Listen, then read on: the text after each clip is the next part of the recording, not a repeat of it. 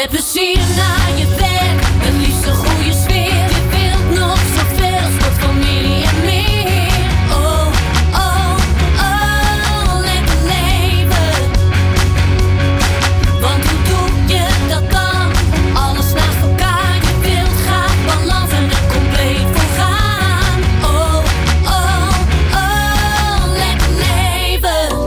Ja, van harte welkom bij weer een nieuwe Lekker Leven met weer een portie inspiratie en heel veel tips voor een lekker leven. Ik gun iedereen een lekker leven, vandaar ook dit programma en deze podcast. En bij een lekker leven hoort ook zelfliefde, omgaan met tegenslagen, gezondheid, zowel fysiek als mentaal. En dat is ook allemaal precies wat deze aflevering aan bod gaat komen.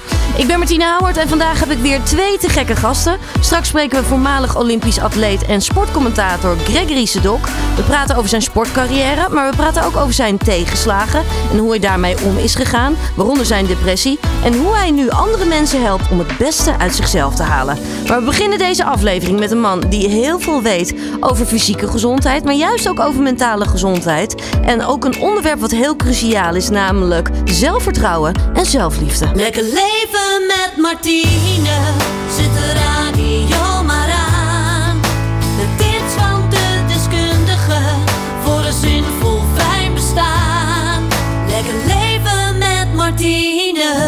Ja, en eh, bij een lekker leven is natuurlijk lekker in je vel zitten, zelfvertrouwen en zelfliefde enorm belangrijk. Lichaam en geest zijn dan ook echt onlosmakelijk met elkaar verbonden. En uit onderzoek blijkt alleen dat heel veel mensen kampen met belemmerende gedachten en ook erg onzeker zijn. Waardoor men ook niet het beste uit zichzelf en het leven kan halen. Maar wat is hieraan te doen en hoe kun je weer de touwtjes in handen nemen en je beter voelen? Nou, de volgende man is arts, coach en auteur van de bestseller Van Klacht naar Kans. En binnenkort komt er ook een nieuw boek uit. Jij bent de liefde. In zijn werk helpt hij mensen oh, eigenlijk om zowel fysiek als mentaal als emotioneel echt weer fit te voelen en je dus ook weer goed te voelen. En ik vind het dan ook echt een hele inspirerende man. En ook te gek dat hij hier te gast is. Ik heb het over eh, dokter Juriaan.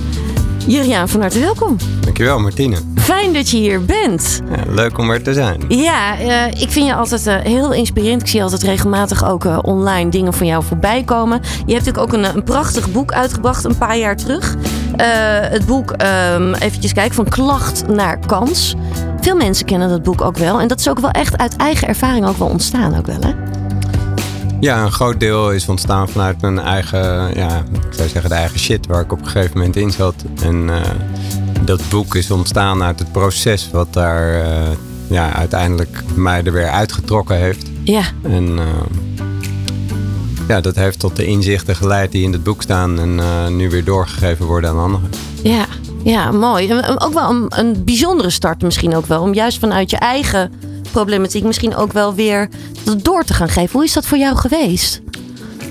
Nou, ik denk dat eh, mijn leven verschilt niet zoveel van andere mensen. In de zin dat we. We zijn allemaal natuurlijk ehm, in heel veel opzichten verschillend. Maar in essentie zijn we allemaal hetzelfde. We weten Klopt. allemaal hoe het is om bang te zijn, verdrietig, eh, eh, somber, et cetera. Maar we hebben ook allemaal dezelfde wensen om gezien te worden, erkend te worden, gewaardeerd te worden, liefde te geven, liefde te ontvangen. Mhm.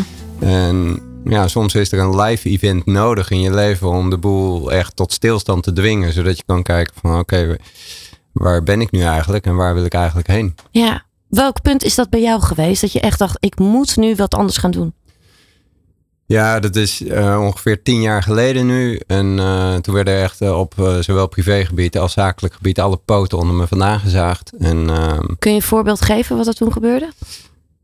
Nou, privé zat het niet lekker, dus ben ik uit huis gegaan. Ehm, in het werk was het zodanig dat het gewoon veel te veel werd. Dus eh, ja, er zitten toch maar 24 uur in de dag. Mhm.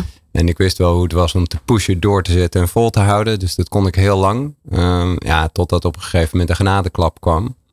En dat was ook het moment waarop ik me vrij snel realiseerde dat de reguliere geneeskunde me daar niet ging helpen. Dus dat ik het lijntje met mijn gevoel weer had te herstellen. Ja. En het proces wat daarop volgde maakte eigenlijk dat ik me realiseerde van oké, heel veel mensen die bij mij komen, ook in het spreekuur, die komen helemaal niet voor de klacht waarvoor ze komen. Die klacht is hooguit een symptoom van iets anders wat er niet klopt in hun leven.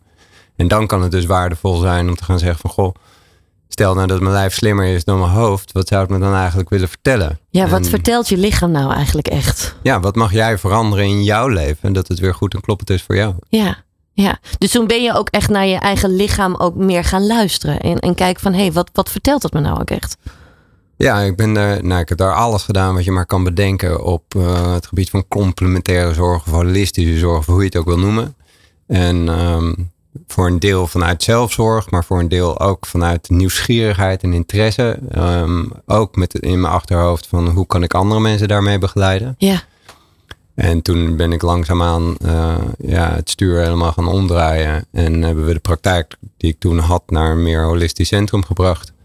Ehm, en zijn we mensen op een andere manier gaan begeleiden. En dat is uiteindelijk stap voor stap, millimeter voor millimeter geworden tot wat eh, het merk Dr. Julian zeg maar nu is. ja, ja. Ja. Mooie stappen. Eh, het is ook heel inspirerend wat je mensen allemaal meegeeft. Jij zegt ook, hè, zojuist, je, zojuist ook eigenlijk wel zei, je lijf is eigenlijk de perfecte thermometer.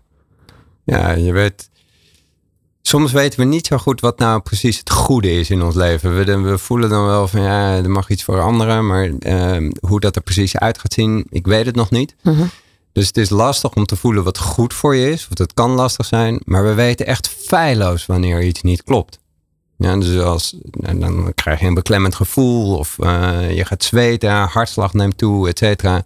Je merkt het. En je weet het ook wanneer je iets vertelt of zegt wat niet waar is. Ja, Dus je weet het wanneer je, ook al is het een leugentje om best wil, maar je weet het wanneer het niet klopt.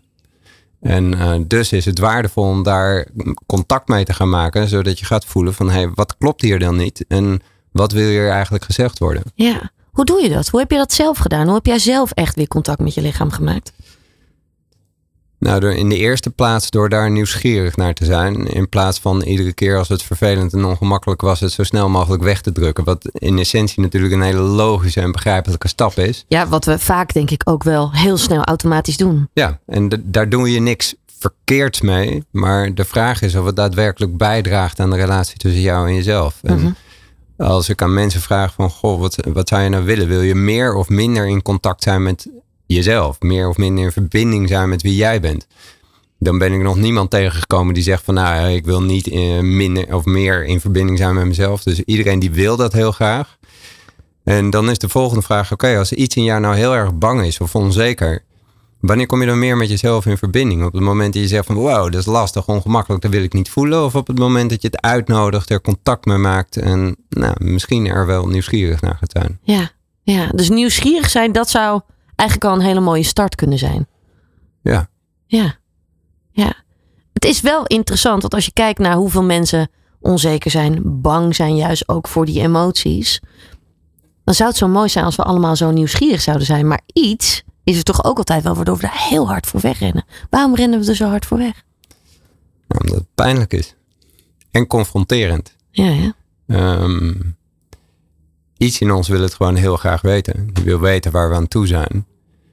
Ehm, maar de keiharde realiteit is gewoon dat je het, je hebt geen idee. Je weet niet wat er over een, een dag, een week, een maand of een jaar gaat gebeuren. Dus deal daarmee. Ja, Maar iets in ons wil het gewoon zo snel mogelijk oplossen. En naar, ja, die wil het snappen, weten en begrijpen vanuit het idee dat als je iets begrijpt, of als je iets snapt en je weet hoe het in elkaar zit, dat je dan iets kan doen. En als je iets doet, dan kom je op een betere plek uit. Ja. Maar je hebt geen idee. ja, het is allemaal ratio wordt het dan ook weer heel snel. Hè? Nou, en je gaat de stappen die je gaat zetten en de beslissingen die je gaat nemen, ga je verzwaren met de plicht om per se succesvol te zijn. Ja.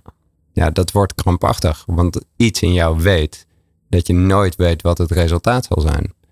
Kan je daarmee dealen? Klopt. Ja, en als ik ook om me heen kijk, zeg maar. Ik, ik ben zelf best wel vroeg met mezelf aan de bak gegaan met... oké, ik voel dit, ik voel deze pijn. Laat ik er naar kijken.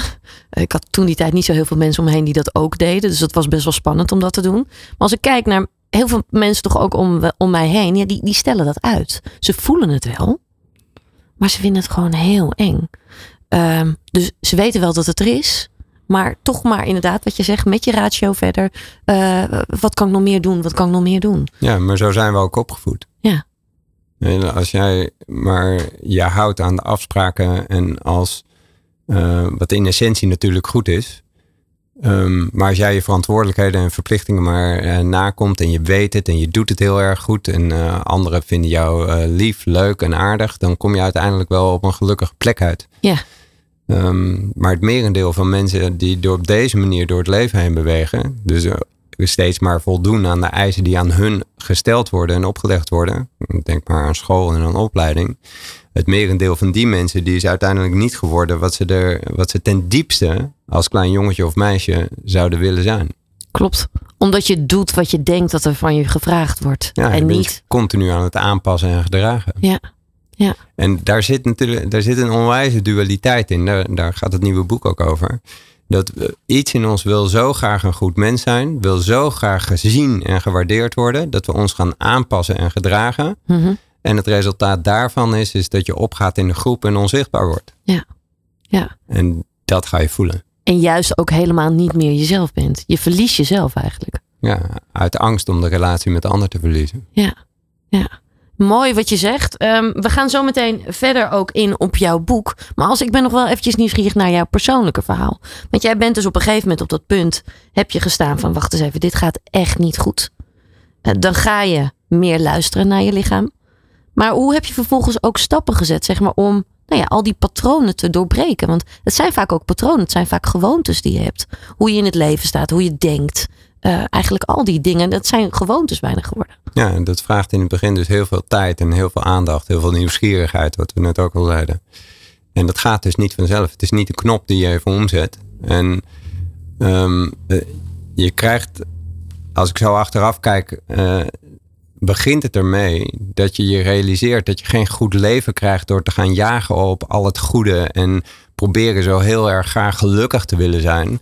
Nee, je gaat pas geluk en rust in je leven vinden op het moment dat je jezelf toestaat ook somber en knetteronrustig en chaotisch te zijn. Ja.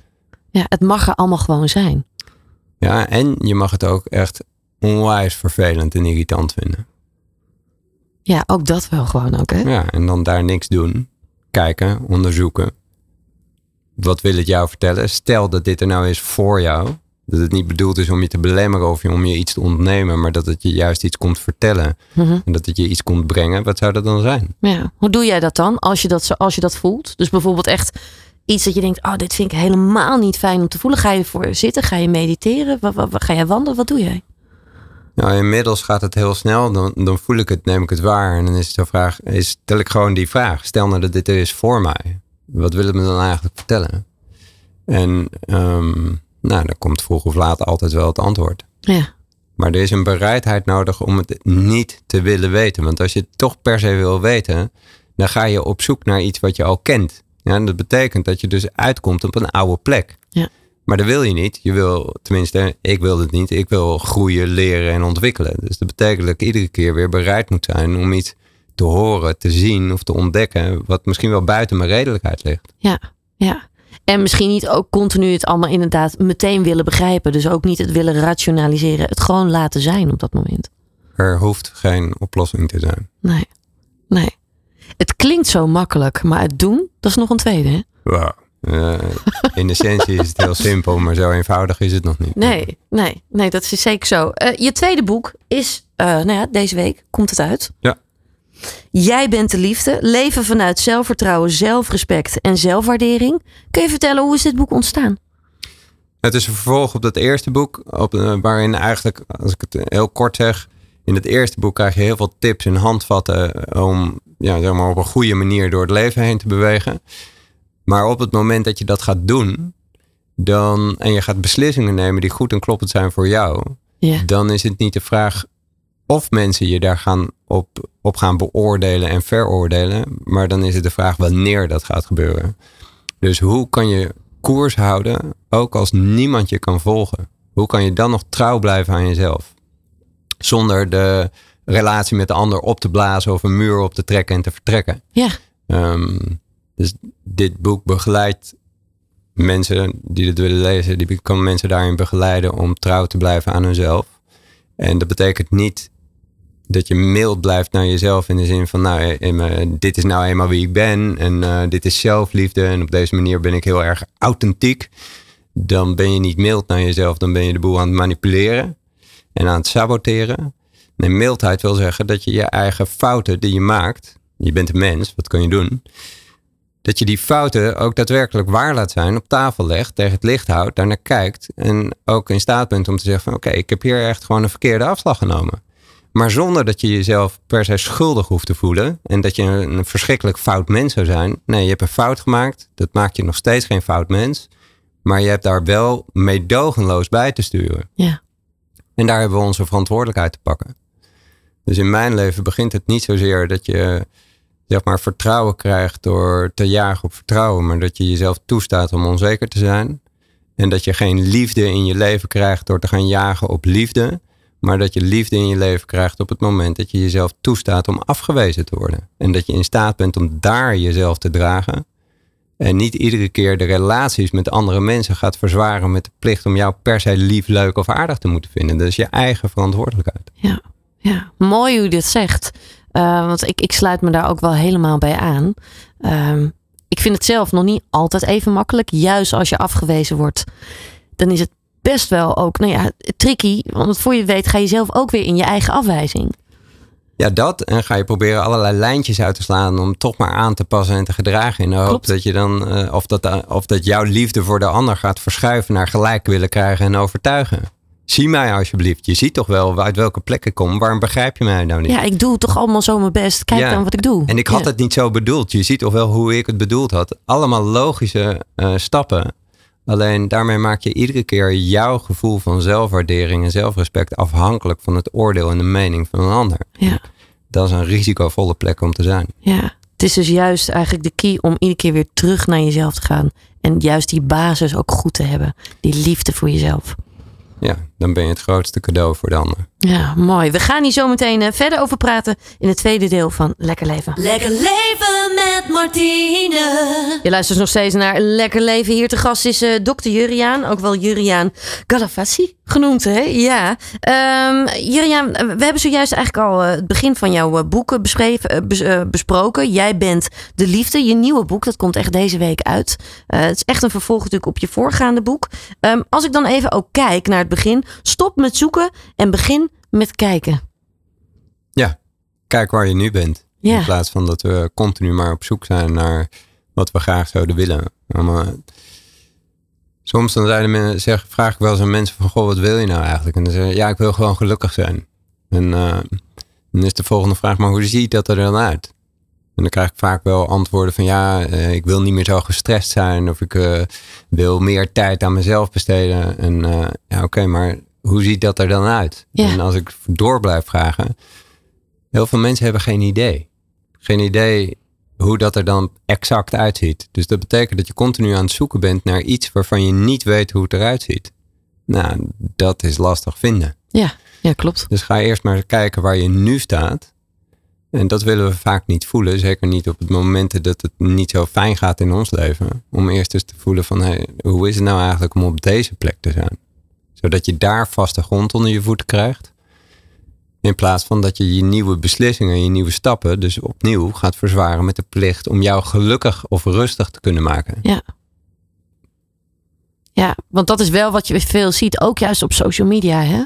Uh, mensen uh, die elkaar natuurlijk echt ook met nou ja, goede bedoelingen elkaar proberen te inspireren. Haal het beste uit jezelf. En zo word je gelukkig en al die dingen. Ja. Maar het, het legt misschien eigenlijk ook alleen maar nog meer druk op het feit dat je gelukkig moet zijn. Ja, uh, nog een half eeuw geleden mochten we natuurlijk niet gelukkig zijn van allerlei geloofsovertuigingen, et cetera.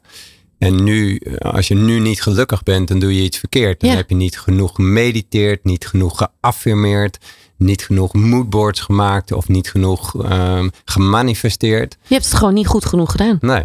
Maar ja, je bent onderdeel van een sociaal, maatschappelijk en een biologisch netwerk. Dus er zijn te veel factoren waar je geen invloed op hebt. En somberheid en eenzaamheid en paniek, dat zijn onderdelen. Het is een onderdeel van het leven. Dus aanvaard dat, zeg daar ja tegen. En wat mij betreft kan je er maar beter voorbereid zijn. Ja, ja. Maar heb jij ook wel gemerkt dat de afgelopen jaren juist ook depressie, somberheid alleen maar is toegenomen? Nou, ik Of- durf of- niet te zeggen, dat weet ik niet. Ik realiseer me ook dat ik in een soort bubbel leef natuurlijk. Ehm, in ieder geval is het zo dat veel, wat ik wel aan, zie, is dat veel mensen een beetje machteloos worden. Van ja, ik, ik doe zoveel. Ik, ik mediteer, ik affirmeer, en ik, ja, gezonde voeding en sporten. En uh, verdorie, het heeft nog steeds me niet datgene gebracht wat ik ervan hoop. Ja. En uh, wat doe ik hier verkeerd? En dan, worden, dan vallen we dus in dezelfde valkuil. Namelijk dat we per se vinden dat we iets moeten doen. Maar de oplossing zit echt nooit in doen. Het zit nooit in, in het intrappen van het gaspedaal. Het zit, als er al een oplossing zou zijn, dan zit het in tien stappen achteruit. Gaan zitten, alles uit je handen laten vallen, je ogen dicht en alleen maar voelen. Niks doen. Ja. ja. Toch zijn we zo geprogrammeerd om altijd wat te doen. Hè? En dat zei je zojuist, dat het komt vaak ook uit je jeugd, uit je opvoeding, uit school, al die dingen. Hè? Ja. Dus het is ook dat willen loslaten, zeg maar dat patroon wat je hebt geleerd om te doen, te doen, doen. Ja, dat moet je dus ook durven loslaten. Ja, en dan draai ik het ook als, je hebt helemaal gelijk. En, maar loslaten is in mijn ogen geen actief proces. Uh -huh. We kunnen iets, een waardevolle vraag kan zijn van, goh, waar hou je nog aan vast? Ja. Oké, okay, ik hou vast aan die ene opleiding. Of ik hou vast aan die ene baan. Waarom? Ja, die baan die geeft me een soort stabiliteit. Die zorgt ervoor dat ik inkomen heb. Dat ik kan blijven wonen op de plek waar ik woon. Dat ik een goede vader, moeder, ouder, whatever ben. En dat geeft me een gevoel van rust en veiligheid. Oké, okay, is het daadwerkelijk zo dat dit je een gevoel van rust geeft? Nou, heel vaak niet. Dus loslaten wordt een automatisch gevolg op het moment dat je gaat zien dat datgene waar je aan vasthoudt, niet datgene oplevert waarvan jij denkt dat het je op zal leveren. Ja. Op het moment dat je dat ziet, dat de patronen die je aangeleerd hebt gekregen helemaal niet datgene brengen wat je iedere dag weer hoopt, dan is er ook geen reden meer om daar aan vast te houden. Dan is het nog steeds een spannend pad, maar dan zie je in ieder geval wat je richting is. Ja. Nou staat er in het boek, deel 2 is dan zelfvertrouwen. Mooi woord als je het eigenlijk ook gewoon zo ontleed. Hè? Zelfvertrouwen, vertrouwen op het zelf. Ja. Waar, waar zou je kunnen beginnen om daaraan te gaan werken? Als je merkt van ja, ik, ik heb veel te weinig zelfvertrouwen. Sta jezelf toe om onzeker te mogen zijn. Hoe doe je dat? Door contact te maken met dat deel wat heel erg onzeker is. Bijvoorbeeld door gewoon die zin te herhalen. Iets in mij is onzeker. Of er is een gevoel van onzekerheid. Nou, klopt dat? Nou, Ja. wat mij betreft klopt dat. Ook voor mij. Ja. En wat is dat dan? Nou, de, een veel waardevollere vraag is dan van, oké, mag dat er zijn? Mhm. En dus eh, stel dat iets in jou onzeker is en je wil meer in verbinding zijn met jezelf. Is er dan een bereidheid in jou om dat deel als het ware, als het ware denkbeeldig naast je eh, op de stoel te zetten, bij wijze van spreken, en daarvoor te zorgen? En niet ervoor te zorgen in de zin van dat het zich beter moet gaan voelen, maar gewoon door er te zijn. Dus als jij vroeger thuis kwam van school omdat je eh, super onterecht behandeld was door de juf of de meester of een slecht cijfer had gehad. En je kwam dan thuis. Waar zat je dan op te wachten? Zat je er dan op te wachten dat je vader of je moeder naar je toe kwam en met allerlei goed bedoelde adviezen, dat je beter had moeten leren, et cetera? Ja, dat weet jij ook wel. Weet je wel. Of had je het liefst dat je vader of je moeder even naast je kwam zitten, een arm om je heen sloeg en zei van, eh tjee, ik zie dat je verdrietig bent. Wat verschrikkelijk kloten voor je. En hoe is het eigenlijk om zo verdrietig te zijn? Mhm. En dan eh, hebben de meeste mensen, ik ben nog nooit iemand anders tegengekomen die iets anders dacht, maar de meeste mensen die zeggen van ja, ik had eigenlijk het meeste behoefte aan het andere. Ja. Maar meestal gaan we zowel met anderen, maar vooral ook met onszelf om als de eerste. Dus zodra er iets niet, niet fijn voelt, gaan we meteen in de oplossingen zitten. Klopt. Daar zit je helemaal niet op te wachten. Je wil alleen maar aandacht voor dat deel wat op dat moment verdrietig, onzeker of eenzaam is. Ja. En voor de rest niks doen. Nee. Maar zo, we zeiden het net tussendoor al even, maar zo simpel als dat het is, zo eenvoudig is het dus niet. Om alleen maar aanwezig te zijn. Klopt. Dat is ook voor mijzelf ook regelmatig heel erg uitdagend. Alleen maar aanwezig zijn zonder advies, goed bedoelde adviezen te geven. Gewoon er puur zijn. Ja. Of misschien niet alleen maar die ene arm om iemand heen slaan.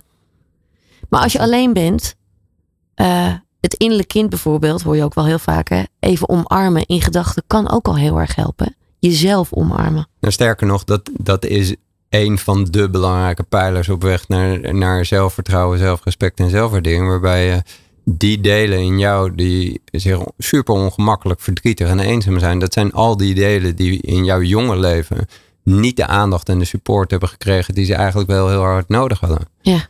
En de enige manier die we toen tot onze beschikking hadden, omdat we nog heel klein waren en niet de eigenschappen hadden om daar op een goede manier mee om te gaan, was om een hele dikke vette muur op te trekken, zodat je de pijn niet hoefde te voelen. En dat was zeer succesvol, want het heeft je in staat gesteld om te kunnen overleven. Klopt.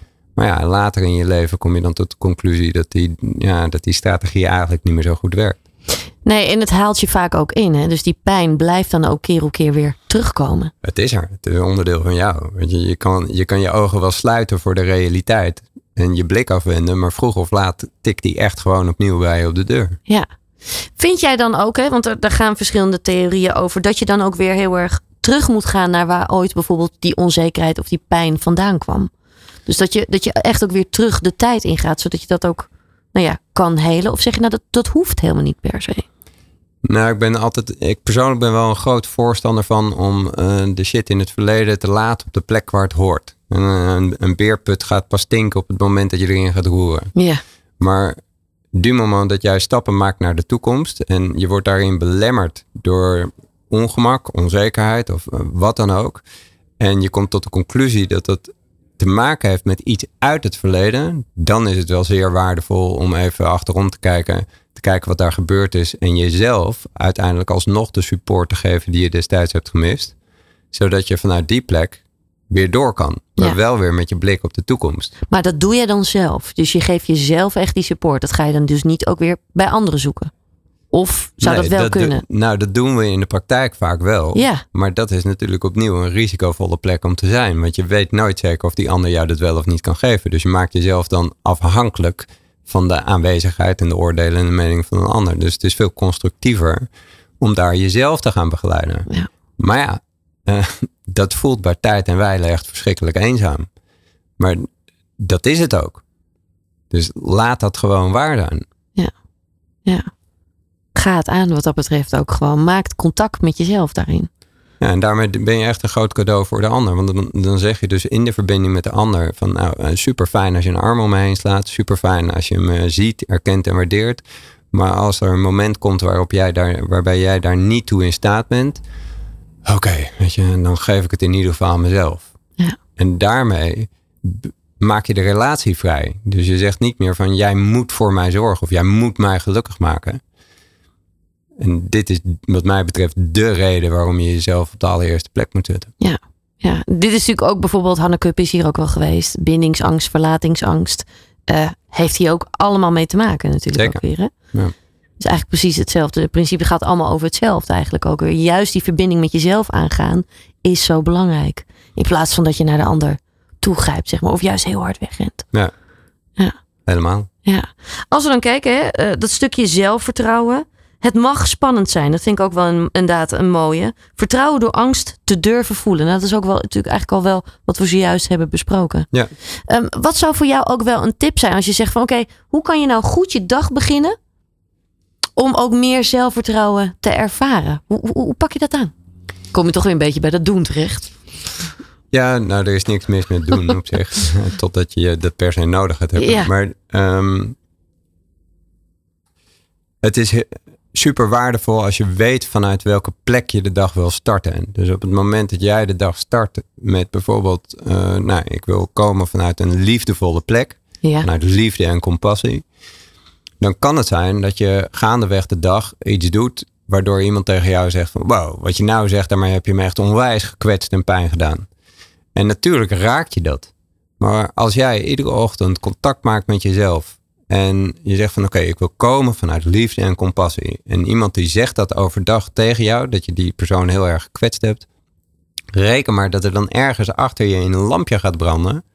Die denkt van oké, maar jij voelt je gekwetst. Maar dat is helemaal niet de plek waar ik vandaan kom. Ja. Dus als jij je gekwetst voelt, dan is dat iets van jou. En dat betekent dan niet dat we ons eigen gedrag niet af en toe tegen het licht mogen houden. En onze eigen onbeholpen uitspraken niet even mogen overwegen, heroverwegen. Maar dat het dus kan zijn dat je zegt van oké, zo had ik het nog niet bekeken. En ik heb je hier echt super onredelijk behandeld. Dat heb je niet verdiend. Maar zonder je schuldig te hoeven voelen. Waarom? Nou, je komt vanuit liefde en compassie. En daarnaast, je bent een mens. Dus je neemt af en toe een verkeerde afslag. Ja. Weet je? Ja. Sta jezelf daarin toe. Eh, ik, ik vind het fantastisch klinken, maar je niet schuldig voelen. Hoe doe je dat? Nou, door verantwoordelijkheid te pakken voor gewoon de uitspraken die je hebt gedaan. Dus Ja. we, de schuld, sch- je schuldig voelen is een van wat ik noem de escapes. Dus eh, als we het gaan hebben over ons schuldgevoel, is een ideale afleidingsmanoeuvre, omdat het dan niet meer gaat over de beslissing die je hebt genomen. Nee, het gaat opeens over jouw schuldgevoel. Ja. In plaats van dat je gewoon zegt van ja, ik zie in dat ik dit tegen je gezegd heb. En ehm, daar heb ik echt een verkeerde afslag genomen. En ik realiseer me dat ik je daarmee gekwetst heb. Hoe is het voor je? Dat je echt ook je verantwoordelijkheid ook daarvoor neemt. Ja, en, dat je, en mildheid is dan dat je je daardoor zelf niet een fout mens maakt. Je bent gewoon precies dat, mens. Dus Ja. je neemt af en toe een verkeerde afslag. Dat je daar mild in bent, maar vervolgens wel opnieuw meedogenloos bijstuurt. Maar dat is zo confronterend voor onszelf, omdat we vaak dan denken van, oh, dit maakt me fout. Dus gaan we het hebben over ons schuldgevoel. Maar ja, het haalt je weg van datgene waar het daadwerkelijk over gaat. Dus eh, als je zelf het woord schuldgevoel gebruikt of je hoort iemand anders dat zeggen, echt grote alarmbellen. Want er wordt iets ontweken wat eigenlijk gezien wil worden. Ja, ja. Dat is eigenlijk ook wel een tip die je meteen ook wel meegeeft, zeg maar. Als men dat zo duidelijk uitspreekt. Ja, als iemand het heeft over schuldgevoel, al, al valt het woord al echt, eh, wees alert. Want daar gaat het niet over. Het gaat over iets heel anders. Ja, ja. Mooi, mooi. Als we dan ook kijken, zelfrespect, zelfwaardering komt ook heel erg eh, aan bod eh, in het leven. Eh, we gaan zo meteen alweer naar het derde deel. Als we kijken naar zelfrespect, hoe anders is dat weer anders dan zelfvertrouwen? Ja, het haakt natuurlijk allemaal een beetje in elkaar. Maar het, jezelf respecteren gaat over waar we het eerder over hebben gehad. Ehm, heel vaak willen we dat wij gerespecteerd worden door een ander. Als wij eh, een relatie of een vriendschappelijke relatie hebben met elkaar, dan vind ik het fijn als jij mij respectvol behandelt. Ja, Ehm, maar een waardevolle vraag is dan ook: respecteer ik jou voor de volle 100% die jij bent? Nou, meestal niet. Meestal hebben we daar toch oordelen en meningen, vinden we daar iets van.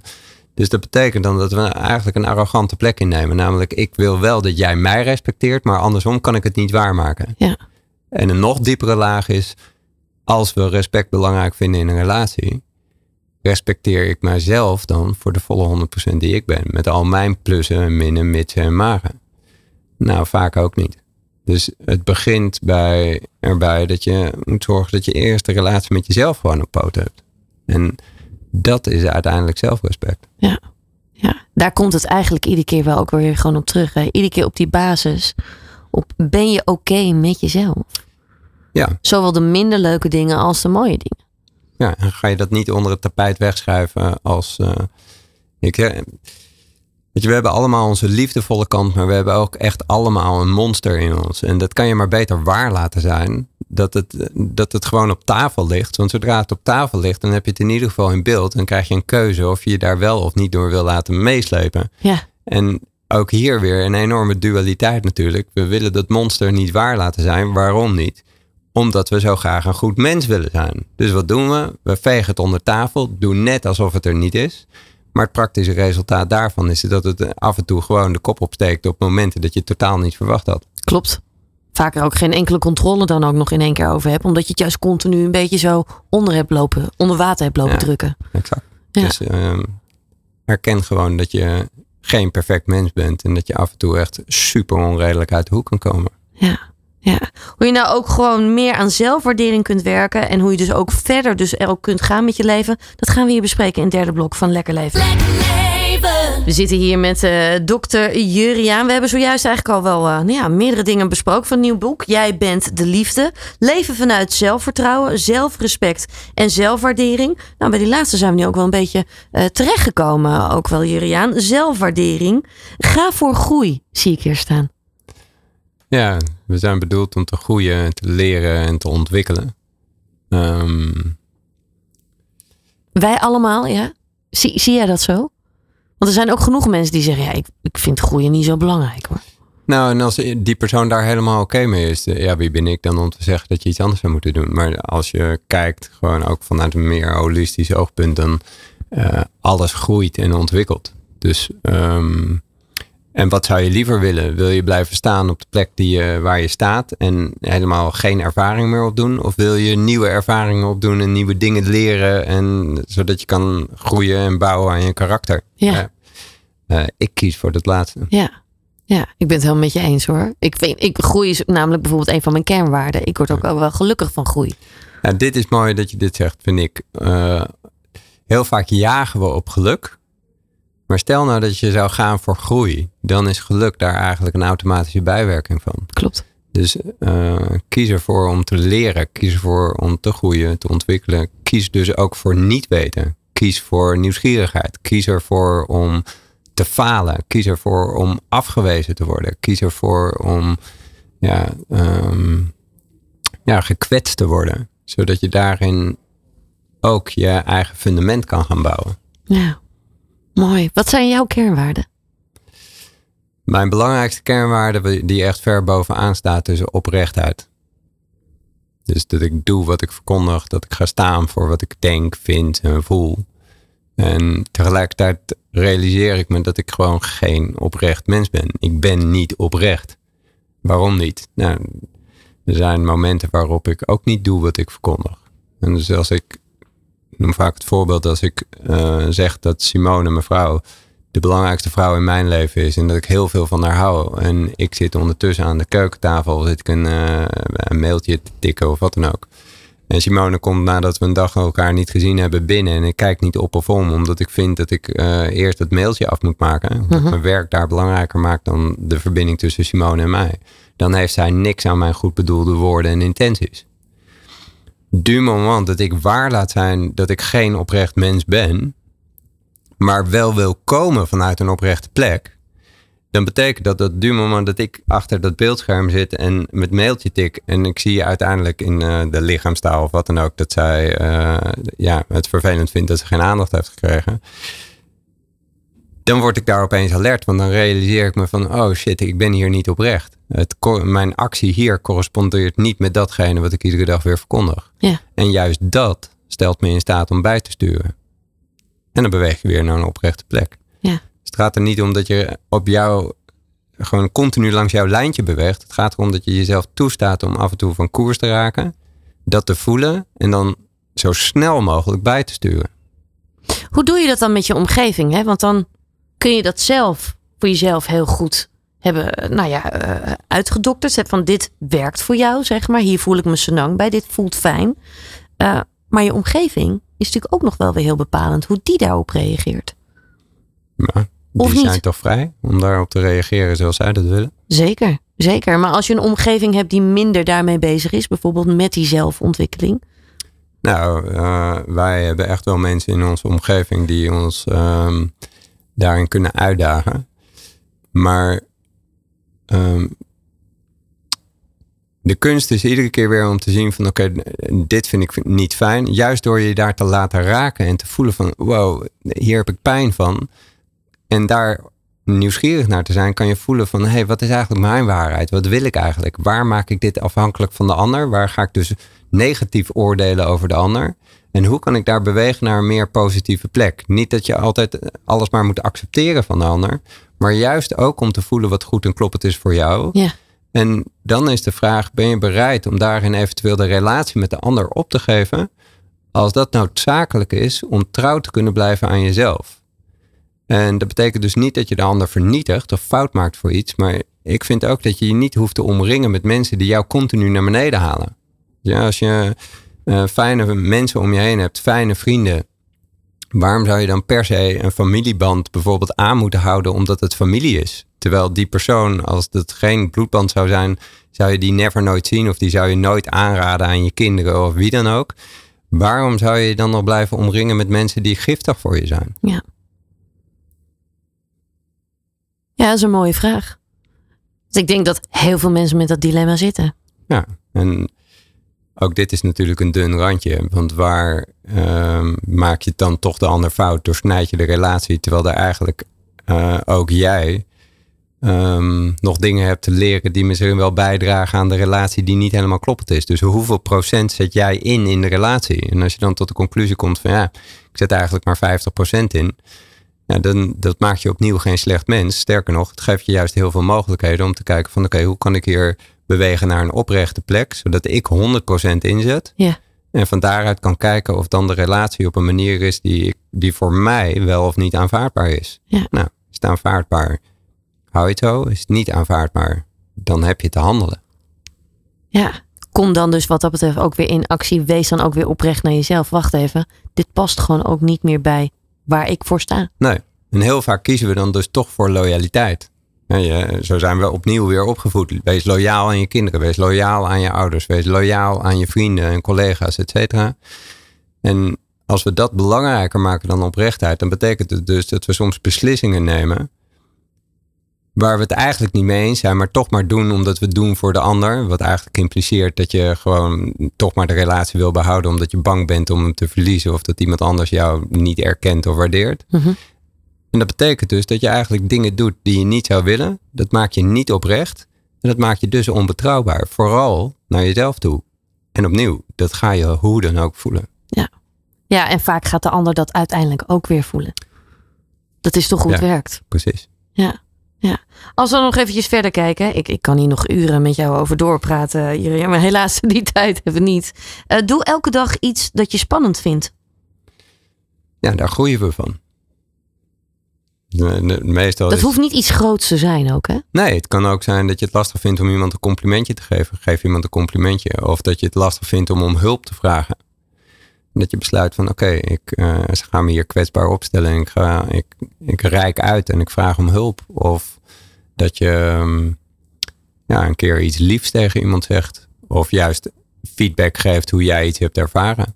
Ehm, maar het kan ook, eh, ja, het kan van alles zijn. Ja. Ja. ja. Ja, wat dat betreft kan je natuurlijk heel veel verschillende kanten daar nog weer mee op. Ehm, als we nu kijken, hè, hoe nu verder in jouw leven. Eh, ik, lees hier feedbackregels. Een vraag is krachtiger dan een uitroepteken. Wat bedoel je daar precies mee? Ja, de feedbackregels, dat is wel echt iets wat iemand eigenlijk in het boek zou eh, mogen lezen. Omdat het is eh, vrij uitgebreid om dat uit te leggen. Maar dat hoofdstuk geeft aan hoe je iets wat jij heel vervelend vindt en naar vindt Ja. aan een ander, aan het gedrag van een ander. Dat je dat op een zodanige manier kan gaan brengen. Zonder dat de ander de hakken in het zand zet en de, eh, de verbinding verbreekt. Dus het is een super krachtige en praktische tool om de ander iets te vertellen wat jij naar vindt. Zonder dat de verbinding verbroken wordt. Mooi. Ik ben wel meteen heel nieuwsgierig. Nou, ga het lezen. Kun je een klein tipje van de sluier geven daarin?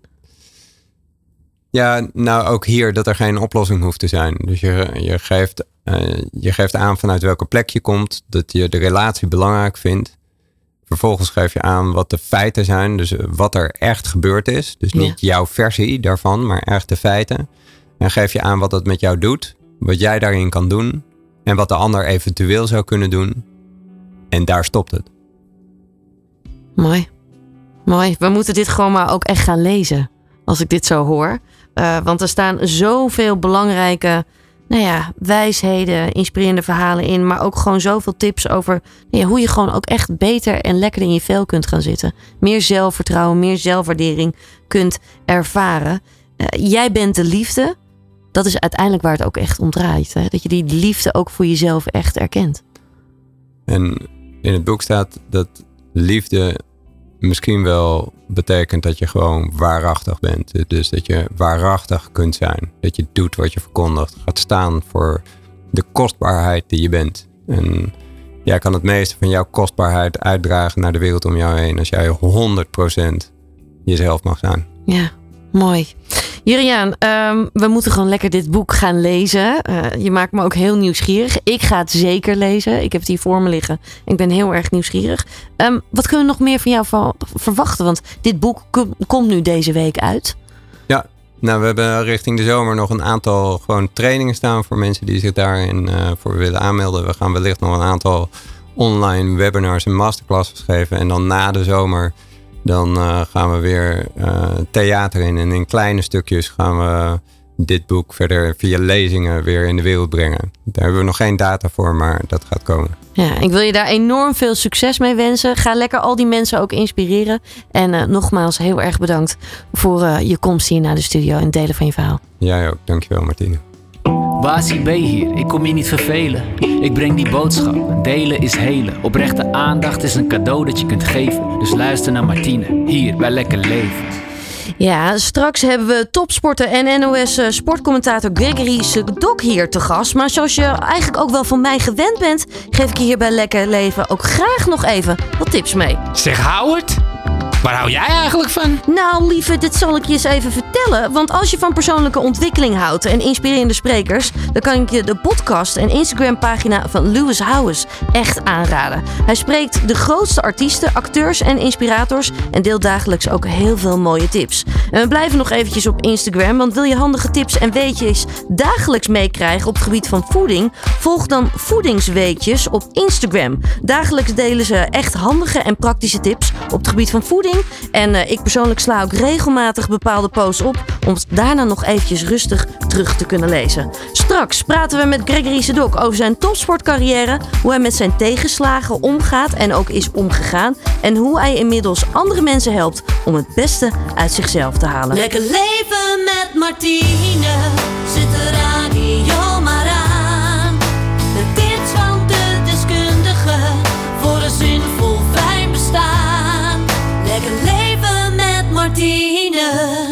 Als iemand weet hoe je het beste uit jezelf kunt halen, hoe je omgaat met tegenslagen en wat belangrijk is voor je gezondheid, dan is het deze man wel. Zo kennen we hem als voormalig Olympisch atleet, Europees kampioen op de horde in 2007 en daarnaast zien we hem inmiddels regelmatig als analist bij de NOS. En we zien hem ook natuurlijk strijden, onder andere bij Expeditie Robinson. Na zijn carrière als topsporter was hij ook jarenlang in dienst bij Defensie en met zijn Olympische ervaringen en militaire discipline helpt hij dan ook heel graag andere mensen. Ik vind het dan ook echt te gek dat hij een eh, gaatje heeft kunnen maken in zijn agenda. Ik heb het over niemand minder dan Gregory Sedok. Gregory, van harte welkom. Ja, dankjewel. Fijn eh, dat je er bent. Eh, we gaan natuurlijk hebben over jouw carrière, maar juist ook hoe jij graag andere mensen helpt om nou ja, eigenlijk wel het beste uit zichzelf te halen. Hè? Ja, dat klopt. Ja, nou eigenlijk je introductie kon niet beter. Dus, eh, Dankjewel. ja, dat klopt. Ja. Ja. Ja.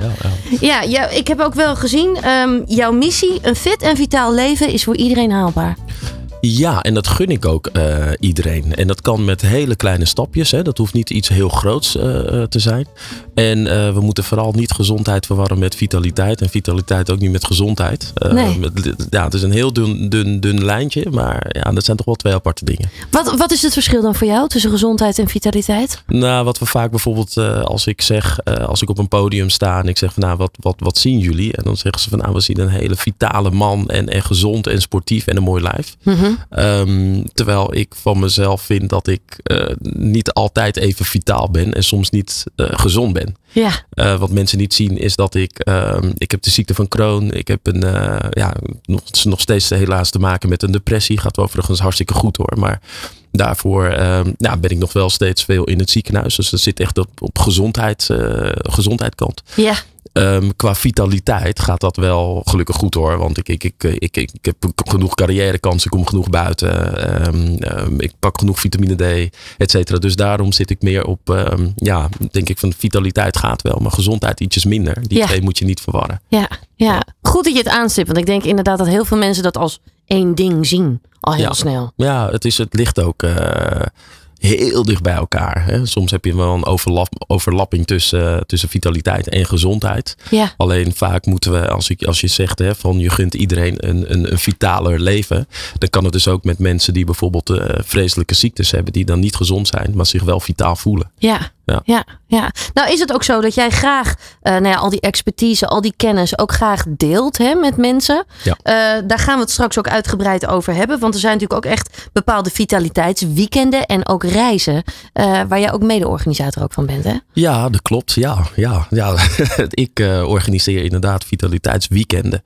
En, eh, en reizen dus voor, ehm, voor particulieren en bedrijven die dus juist eh, eh, dit aan willen gaan. Ja. Die juist, ehm, ehm, je dwingt ze eigenlijk tot nadenken over een vitaler leven. Nou, en daar krijgen ze dan masterclasses en, en workshops en, en, en trainingen. En gaan ze allerlei dingen ervaren. Ja. Ja, dat is het mooiste wat er is. Te gek. Ja. Mooi ook om dat eigenlijk weer die kennis allemaal door te kunnen geven. Ja. Maar eerst eventjes, eh, laten we even terug de tijd ingaan. Ja. Eh, want ik kan me zo voorstellen, als ik jouw verhaal ook allemaal lees. Ik heb natuurlijk ook ingelezen van tevoren. Dan denk ik, ja, het is eigenlijk gewoon een jongensboek. Het, het, het is eigenlijk wel een droom die uitgekomen is, toch? Allemaal, al die dingen die jij voor elkaar hebt gekregen als topsporter. Ja, ja als je, dat, als je de, de, de hoogtepunten en de mooie dingen eruit pakt, zeker. Ik Ja. heb ehm 18 jaar lang op het allerhoogste niveau mogen sporten. Ehm, nou, drie keer naar de Spelen geweest. Ik heb, ik heb enorm veel mooie eh, dingen mogen doen, mensen mogen ontmoeten. Maar aan de andere kant heb ik daar ook altijd heel hard voor gewerkt en altijd een plan gemaakt en een idee gehad over hoe ik bepaalde dingen nou zou moeten doen en hoe ik het zou moeten aanpakken. Ja, Ehm, het is me niet allemaal aankomen waaien. Hè. Vaak, en dan, dan stoor ik me nog wel aan dat ze zeggen van, oh ja, maar jij hebt makkelijk praten. Nee, ik heb keihard gewerkt en, ehm, en, en altijd gestudeerd. Ik heb keihard eh, getraind. Ehm, in mezelf geïnvesteerd, hè, financieel, maar ook qua tijd. Dus het is me zeker niet aankomen waaien. het is geen mazzel geweest, hè? Nee, wat sommige mensen dan wel eens denken. Ja. Laten we even terug de tijd ingaan. Want jij was klein jongetje. Had je toen al echt al die droom dat je denkt, ik wil die topsporter worden? Ja, nou, ik had, ik had eigenlijk, ja, topsporter. ehm, ik had als droom om als atleet inderdaad in een vol stadion te staan, in een groot stadion te staan. Dus je Dat- zag dat al die mensen? Ik zag al die mensen. Je had natuurlijk helemaal geen YouTube toen de tijd, dus je keek naar live wedstrijden of je nam het op en dan keek je naar de videobanden. Ja. En, en dat deed ik ook. Dan O'Brien, Carl Lewis, Ben Johnson. ehm, nou, eh, dat, dat soort atleten. Maar ook, maar ook mijn eigen vader. Hij was topsporter, stond daar op de baan. Toen dacht ik, dit is wat ik ook. Ja, dit is wat ik ook wil. Ja. Alleen om dat te bereiken, dan moet je natuurlijk wel topsporter worden. Maar Hoe, oud was je toen dat je dat dacht?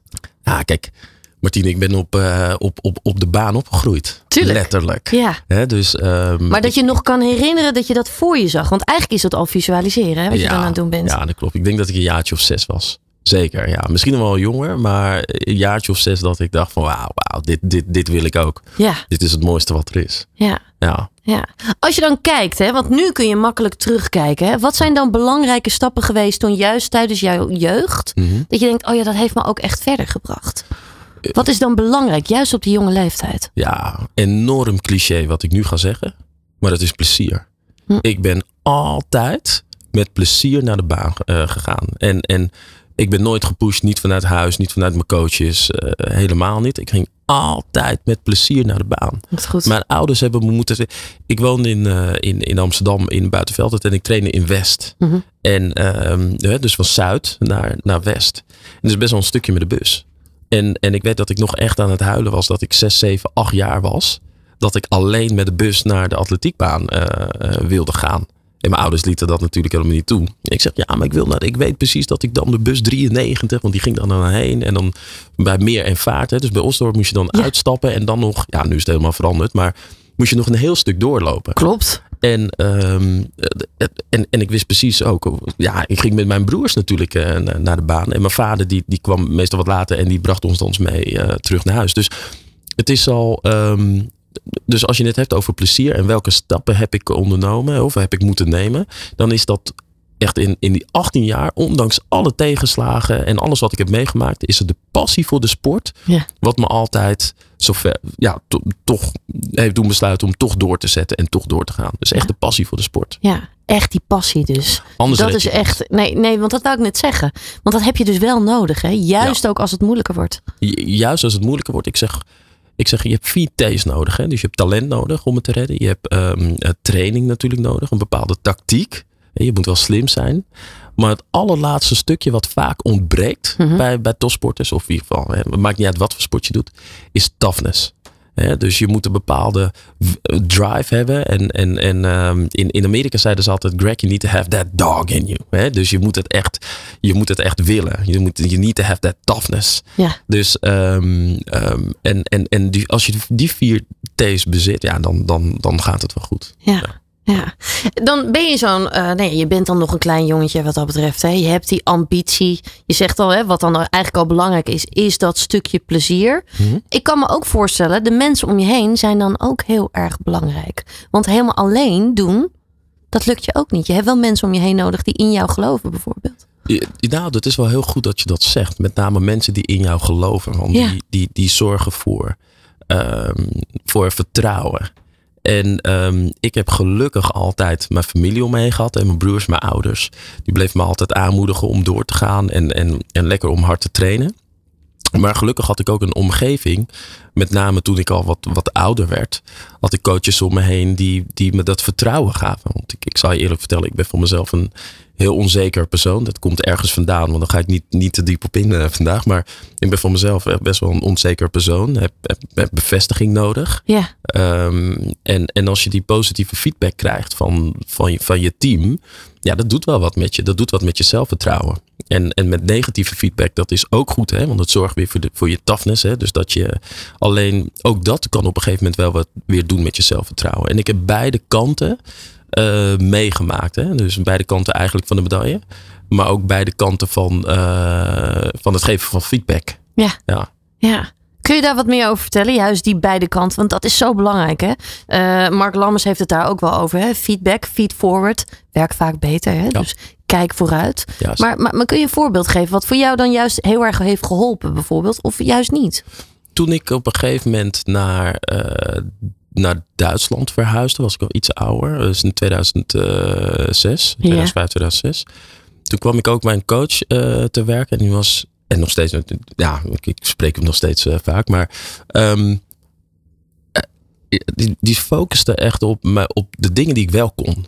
Echt op, juist op de positieve dingen. En soms ging een wedstrijd helemaal niet. Dan vloog ik ergens heen en dan liep ik een wedstrijd. En ja, stond, je, stond het huilen je nader, nader dan het lachen. Want Ja. als je uit vorm bent, dat is natuurlijk echt vreselijk. Klopt. Er staan gewoon de tranen in je ogen. erin, want je, Ja. bent ook, je, bent, je bent echt eh, desperate. Je weet niet meer wat je moet doen. En Uli die had dan het vermogen, mijn coach, door te zeggen van... Maar je start en je eerste paar passen, die gingen supergoed. En daarop gaan we zeg maar voortbouwen. En daarop daaraan gaan we dan werken om dat verder eh, uit te bouwen. En dat gaf dan toch weer een bepaalde manier van... eh, of een bepaalde, bepaalde vorm van vertrouwen. Waarbij hij zegt van nou oké, de start ging dan wel goed. Maar ik zei me ja, maar dit ging niet goed en mijn tijd is er en die maakt niet uit. Vanuit daar gaan we weer verder bouwen. Nou, en, en, en dat is best knap als je, dat, als je dat kan. Als je als coach op die manier jouw atleet kan coachen. Want uiteindelijk, uiteindelijk is alles een mentaal spelletje. Dat is Echt het, hè? waar. Ja. Is het ook, echt Ja. waar. Ja. Het kan niet zo zijn dat je na jaren van trainen, trainen, trainen, trainen, trainen. Dat je zegt van nou, ik moet nu nog harder trainen. Of nee, het is, het is, het is allemaal mentaal. Ja. vorm, vorm heb ik het over. Ik heb geen niet blessures en zo. Maar vorm, topvorm, is, zit allemaal in, allemaal in koppie. Ja. Ja. ja, cruciaal. Want heel veel mensen denken altijd alleen maar aan het fysieke deel. Maar juist dat mentale deel is helemaal op dat niveau, op topsportniveau, eigenlijk het allerbelangrijkste, denk ik wel. Zo wat. Precies. We hebben het ook gezien. Hè? Naomi Osaka, Simone Biles. eh, Oké, maar die hebben natuurlijk ook met, eh, met andere zaken te maken gehad. Maar zoveel sporters. Kiki Bertens. eh, Ja. ik, ik kan eigenlijk wel doorgaan. Tom Dumoulin. ehm, die, die, die, die ook mentale, eh, nou, laten we zeggen, ongemakken hebben gehad. Ik wil niet zeggen problemen, maar mentale ongemakken hebben gehad. Ehm, dus dus eh, juist het mentale is heel belangrijk om uiteindelijk ook fysiek helemaal in orde te zijn. Ja. Ja. Nou, stipte jij het zojuist al aan, hè? die onzekerheid die je zelf ook ervaart. Het valt mij vaak op eh, dat mensen die heel goed zijn, vaak ook heel onzeker kunnen zijn. Hoort dat er niet ook gewoon heel erg bij? Juist omdat je zo perfect bent, dat daardoor ook dan die andere kant er ook ergens misschien wel bij hoort. Waardoor je ook zo ver kunt gaan. Waardoor je die lat zo hoog kunt Nou, leggen. dat is het. Dat is wat ik net wilde zeggen. Je legt je lat voor jezelf zo vreselijk hoog. En ik merk dat ook in, eh, zonder dat ik wil uitweiden in andere onderwerpen, maar in, in, in het werk wat ik, in alles wat ik eigenlijk nu doe. Hè. Ik, ben, ik ben spreker, ik ben eh, dit, ik ben politie, ik doe van alles. Ja, En misschien leg ik dus ook de lat voor mezelf gewoon te hoog. Hè? En, en, en, en dat zag ik zeker eh, eh, terug als, als topsporter. Maar ook überhaupt in mijn leven. Ik ben best wel onzeker omdat ik de lat continu zo hoog eh, leg. Ja. Maar of dat voor anderen geldt, ik heb geen idee. Maar ja, het is wel een goede om, om over na te denken. Ja, Ja. je geeft me huiswerk mee naar huis. Nou, ik hoop op positief uh, huiswerk. Wat dat betreft. Ja. Nou, weet je wat het is? Als ik naar mezelf namelijk kijk. Ik ben zelf professioneel danseres en zangeres altijd geweest. Um, uh, jonge leeftijd al een heftige blessure gehad. Is toen al tegen mij gezegd, nou Martine, professioneel dansen gaat jou nooit gebeuren. Ik heb ook echt een tijdje in een rolstoel gezeten. Zo. Op mijn vijftiende. Dat maakte mij knetter onzeker. Ik was ook echt onzeker. Ik wist helemaal niet of ik de beste danseres was. Maar toch was er ook altijd een vlammetje in mij. Dat ik dacht, maar ik ga het toch voor elkaar krijgen. En die onzekerheid bracht me ook verder. Dus als ik er nu naar terugkijk, kan ik ergens ook heel dankbaar zijn. Dat ik zo onzeker ben geweest in die tijd. Want het bracht me ook altijd verder. Ik, het zorgde ervoor dat ik die lat hoger legde. Misschien wel dan de andere mensen omheen. Waardoor ik ook verder kwam. Nou, precies. Maar je, je zegt wel echt iets cruciaals. Dat vlammetje zorgt ervoor dat jij, dat jij dat, dat je doorzet en dat je eigenlijk nog beter wil worden dan dat je was. Klopt. En als dat vlammetje dus ontbreekt, dan is het dus tijd inderdaad om andere keuzes te maken. Ja. En dat, is, dat, dat was voor mij eh, precies hetzelfde. Ook aan het einde van mijn carrière. Ehm, ik, ik heb nog bijna gekwalificeerd voor Rio. En dat zou dan mijn vierde Olympische Spelen. In 2016 vierde Olympische Spelen. Ja. Maar aan de andere kant was ik ook heel erg blij dat ik me niet had gekwalificeerd. Want het vlammetje ontbrak. Ja. Die vlammenwerper wat ik nodig had vroeger als atleet. ehm, eh, dat, dat, dat, dat was er niet meer. Was, ik had mijn doelen ook al behaald eigenlijk. En, en, en dat is heel erg belangrijk voor jou geweest. Om vanuit die rolstoeltijd om toch weer keihard terug te keren. Ja. Ja. Ja, klopt. Dat vlammetje is echt cruciaal. Als je kijkt en je hebt dan drie keer Olympische Spelen eh, meegedaan. Wat was nou wel de, de, de meest bijzondere voor jou? Nou, nou, ja, dan moet ik een klein beetje toelichten. Ehm, kijk, de, de eerste was ik iets van 21 of zo. En, in Athene, was natuurlijk heel bijzonder, 100 jaar eh, hè, na, na, na de eerste Spelen in Athene. Ehm, alleen, ja, ik was toen zo jong. We kwamen heel laat aan in het dorp. En, en ik was echt onder de indruk. Ik zag Pieter van de Hoge Band en, en Inge de Bruin en, en Leontien van Moorsel. En, en de tweede keer heb ik het heel anders beleefd. Omdat je dan wat ouder bent. Je bent wat verder in het proces. Maar ja, in, in, in China, we hadden toen de absolute ster. Liu Xiang, hordenloper. De Ja. ster toen op dat moment van, van China. In, in alle sporten, niet alleen in de atletiek. Ehm 90.000 man in het stadion, het vogelnest.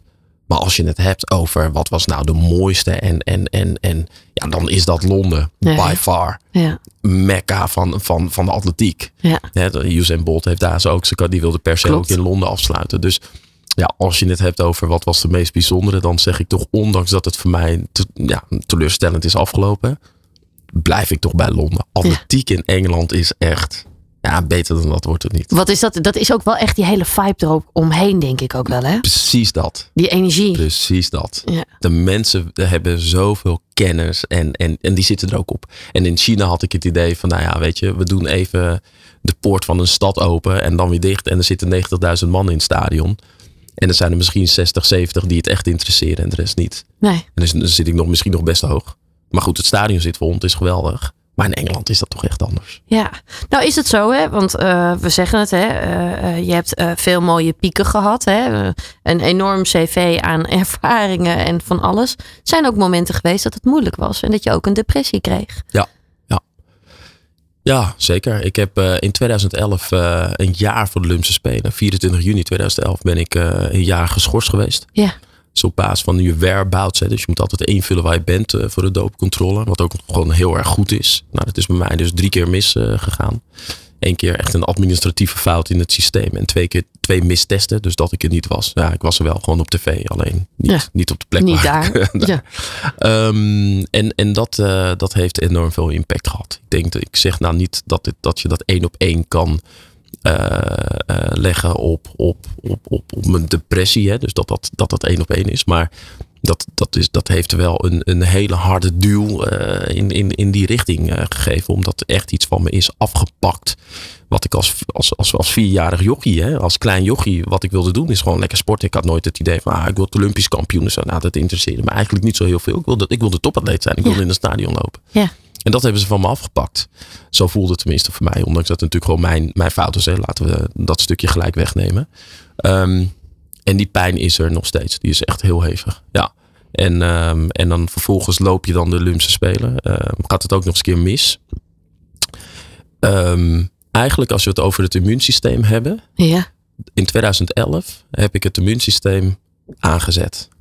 En, en er is geen moment geweest dat hij ergens werd uitgezet. Of hè, dat je denkt, je rust. Ik wil niet in allerlei termen gaan praten, helemaal onzin. Maar je hebt je sympathicus en je parasympathicus. En als je het hebt over je sympathicus, hè, dus je, je, systeem, je staat alleen maar aan. Hè, je, moet scherp zijn, je moet alert zijn. Overlevingsstandje. Overlevingsstand. Dan, dan, dan is dat een jaar lang geweest. Echt waar. Ja. Er is nergens een moment geweest waarbij ik echt tot rust kwam. Omdat ik naar, naar Londen toe moest. Ehm, voor mezelf. Ehm, ja, en dan, en, en dan zit je ineens in de trein. Vanuit Londen naar Amsterdam. Met de Olympische ploeg. En iedereen is blij en happy en feest en optredens.